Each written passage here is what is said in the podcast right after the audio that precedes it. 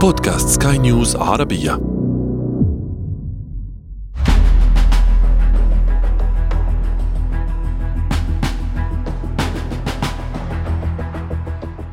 бендеровцы и неонацисты. Не позволяйте неонацистам и бендеровцам, чем с этой шайкой наркоманов и неонацистов, которая засела в Киеве, بينما كانت القوات الروسية تتأهب لإطلاق عملياتها العسكرية في أوكرانيا وجه الرئيس الروسي فلاديمير بوتين خطابا إلى شعبه أورد فيه أسباب ذلك التدخل العسكري.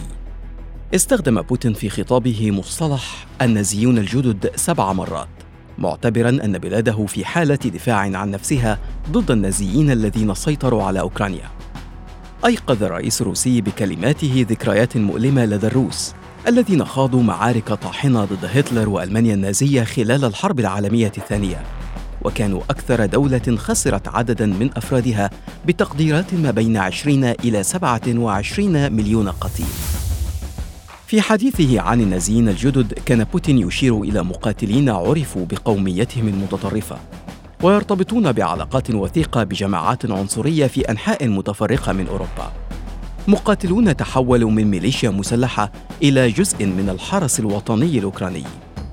ما هي كتيبة أزوف؟ ولماذا يصفهم البعض بداعش أوروبا؟ ومن هم النازيون الجدد؟ هذا أنا عمرو جميل أحييكم. وأنتم تستمعون إلى بودكاست بداية الحكاية. بداية الحكاية.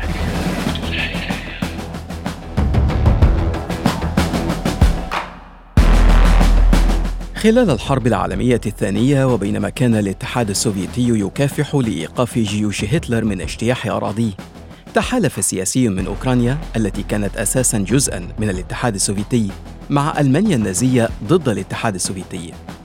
كان ستيبان بانديرا أحد قادة ما عرف بالحركة الوطنية في أوكرانيا والتي نشأت لمقاومة الاضطهاد الذي قامت به السلطات البولندية التي سيطرت على غرب أوكرانيا بعد الحرب العالمية الأولى. ونظمت تلك الحركة احتجاجات وأعمال عصيان وأعمالا عسكرية ليس ضد السلطات البولندية فقط وإنما ضد روسيا السوفيتية أيضا. وحينما غزت ألمانيا النازية الاتحاد السوفيتي قرر بانديرا القتال مع هتلر ضد السوفيت كما حاول إعلان دولة مستقلة في ليفيف في غربي أوكرانيا. انتهت الحرب كما نعلم بهزيمة هتلر وهرب بانديرا بعدها إلى ألمانيا الغربية وعمل مع المخابرات البريطانية. إلى أن تمكن عملاء الكي جي بي من قتله في ميونخ في عام 1959 وعندما سقط الاتحاد السوفيتي وعادت نبرة القومية للارتفاع في أوكرانيا عاد الحديث عن بانديرا كبطل من جديد. حتى إن الرئيس السابق لأوكرانيا فيكتور يوشينكو منح بانديرا لقب بطل أوكرانيا في عام 2010 طبعا أثار ذلك غضب روسيا كما أثار البرلمان الأوروبي الذي أدان الخطوة.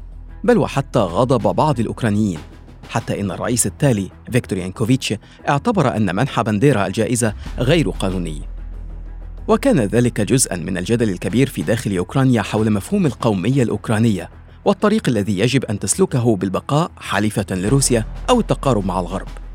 تناولنا ذلك بالتفصيل في حلقة سابقة. أدعوكم للاستماع إليها للتعرف بشكل أكبر على خلفيات الصراع بين روسيا وأوكرانيا ولماذا وصلت الأمور إلى ما وصلت إليه الآن. وفي فبراير من عام 2014 حدثت ثورة الميدان الأوروبي في أوكرانيا وتمت الإطاحة بالرئيس المنتخب حينها فيكتور يانكوفيتش الموالي لموسكو احتجاجا على ما وصفه المحتجون بتباطؤه في جهود الانضمام إلى الاتحاد الأوروبي إثر تلك الثورة وفي مارس من نفس العام تدخلت روسيا عسكريا فضمت إليها شبه جزيرة القرم والتي تناولنا أيضا أهميتها الشديدة بالنسبة لروسيا في حلقة القرم. الدب الروسي يبحث عن المياه الدافئة. وبخلاف السيطرة على القرم ساعدت روسيا أيضا الانفصاليين في شرق أوكرانيا والذي ينتمي معظمهم إلى روسيا ويتحدثون بالروسية ويرغبون في الانفصال عن أوكرانيا في إقليم يعرف باسم إقليم الدنباس في ذلك الوقت ظهر إلى الوجود مقاتلون متشددون.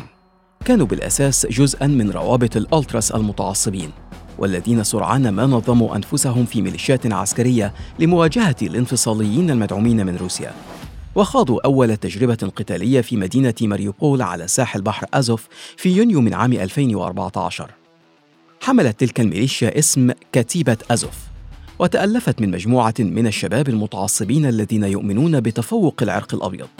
وتصف نفسها بأنها منظمة قومية هدفها تحقيق استقلال الأمة الأوكرانية وكرامتها. كما أنها تحمل شارة وولفس أنجل التي استخدمتها فرق النازية في الحرب العالمية الثانية وتشبه الصليب المعقوف بلون أسود على خلفية صفراء. خاضت الكتيبة معارك طاحنة في ماريوبول ونجحت في استعادتها. وفي نفس العام قرر الرئيس الأوكراني بتروشينكو دمج الكتيبة في الحرس الوطني الأوكراني. ووصفهم بأنهم أفضل محاربي الجيش. منذ ذلك التاريخ 2014 لم تتوقف المعارك بين القوات الأوكرانية وفي القلب منها كتيبة أزوف وبين الانفصاليين في إقليم دونباس الذين يرغبون في الانضمام لروسيا. لكن كتيبة أزوف ظلت تثير الجدل بأفكارها العنصرية وعنفها الشديد مثل قتل المدنيين والقيام بعمليات تعذيب. حتى إنه في عام 2019 طلب أعضاء بالكونغرس الأمريكي بتصنيف كتيبة أزوف كجماعة إرهابية بسبب أفكارهم المتطرفة. كما رفض حلف الناتو تدريب عناصر الكتيبة لنفس السبب. وكانت منصات غربية كفيسبوك تحظر منشوراتهم على مواقعها.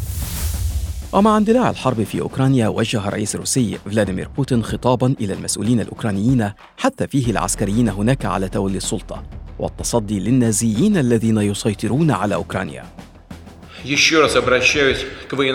أناشد من جديد العسكريين في أوكرانيا. لا تسمحوا للنازيين الجدد والقوميين المتطرفين باستخدام أطفالكم وزوجاتكم وعجائزكم كدروع بشرية. أمسكوا بالسلطة. سيكون أسهل بالنسبة إلينا التوصل معكم إلى اتفاق من تلك العصابة من المدنيين والنازيين الجدد في كييف الذين يحتجزون الشعب الأوكراني كله كرهينة. لكن في المقابل حدثت حالة تضامن أوروبية واسعة مع أوكرانيا ضد روسيا. أعلن وزير الخارجية الأوكراني على سبيل المثال أن نحو عشرين ألف مقاتل أجنبي أعلنوا استعدادهم للتطوع إلى جانب أوكرانيا. ينتمي كثير من هؤلاء المتطوعين إلى جماعات أوروبية متطرفة. تربطها علاقات مع كتيبة أزوف وتجمعهم أفكار متشابهة تتعلق بتفوق العرق الأبيض وتنتشر في دول أوروبية مختلفة مثل ألمانيا وبولندا ودول اسكندنافيا. الخطير أن تلك المجموعات بدأت في الانتشار بشكل لافت في كثير من الدول الأوروبية على رأسها ألمانيا التي عانت هي نفسها الأمرين من النازية. في مايو 2010 أصدرت محكمة ألمانية أحكاما بالسجن على عناصر خلية متطرفة تعرف باسم ثورة كامنتس كانت تخطط للإطاحة بحكومة المستشارة أنجلا ميركل بالقوة عبر القيام بعمليات إرهابية. وثورة كامنتس واحدة من عشرات المجموعات اليمينية المتطرفة في ألمانيا. منها لواء العاصفة 44 التي تأسست في عام 2016 وظهر أعضاؤها بالزي النازي قبل أن يلاحقهم القضاء الألماني ويحظرهم في 2020 ومجموعة نسر الشمال التي خططت لتنفيذ اعتداءات وحاولت الحصول على أسلحة وذخيرة ومتفجرات. استبقتها الشرطة بعمليات مداهمات واسعة وتم حظرها في 2020 أيضاً. ومواطنو الرايخ الذين لا يعترفون بجمهورية ألمانيا الاتحادية أصلاً. ويعتقدون أن الإمبراطورية الألمانية يجب أن تعود لضم المناطق التي كانت تتبع ألمانيا قبل هزيمتها في الحرب العالمية الثانية. وفي بريطانيا توجد مجموعة كومبات 18 والتي يشير فيها الرقمان واحد وثمانية إلى الحرفين الأول والثامن من الأبجدية وهما A و H أو أدلف هتلر. توجد مجموعات مماثلة في الولايات المتحدة والمملكة المتحدة والبرازيل وحتى داخل روسيا. يجتمع كل هؤلاء على أفكار متشابهة الإيمان بتفوق العرق الأبيض ومعاداة كل الأعراق الأخرى والرغبة في التخلص منهم سواء كانوا مسلمين أو يهودا أو غجر. وطبعا تتنوع كمية الكراهية باختلاف الدولة وحجم ونوع الأقليات الموجودة بها. ففي البلقان يعد النازيون الجدد في أوكرانيا وصربيا وكرواتيا من أشد النازيين عداوة للمسلمين نظرا لتاريخ الحروب بين الجانبين منذ العصر العثماني وحتى حرب البوسنة. وفي بولندا ودول أوروبا الشرقية تزايد العداء مع وصول كثير من المهاجرين في السنوات الأخيرة وامتد ليشمل الغجر والأفارقة واليهود. وفي الولايات المتحدة تزايدت كراهية المسلمين بشدة بين أوساط النازيين الجدد بعد هجمات الحادي عشر من سبتمبر.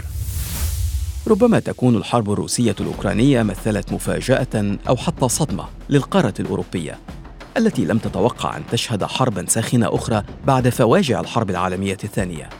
لكن تلك الحرب سلطت الضوء أيضا. على كثير مما يقبع تحت السطح من مظاهر العنصرية والكراهية التي كانت موجهة دائما لغير الأوروبيين. لكن الحرب أثبتت أنه بالإمكان وفي أي لحظة أن ترتد إلى صدور الأوروبيين أنفسهم.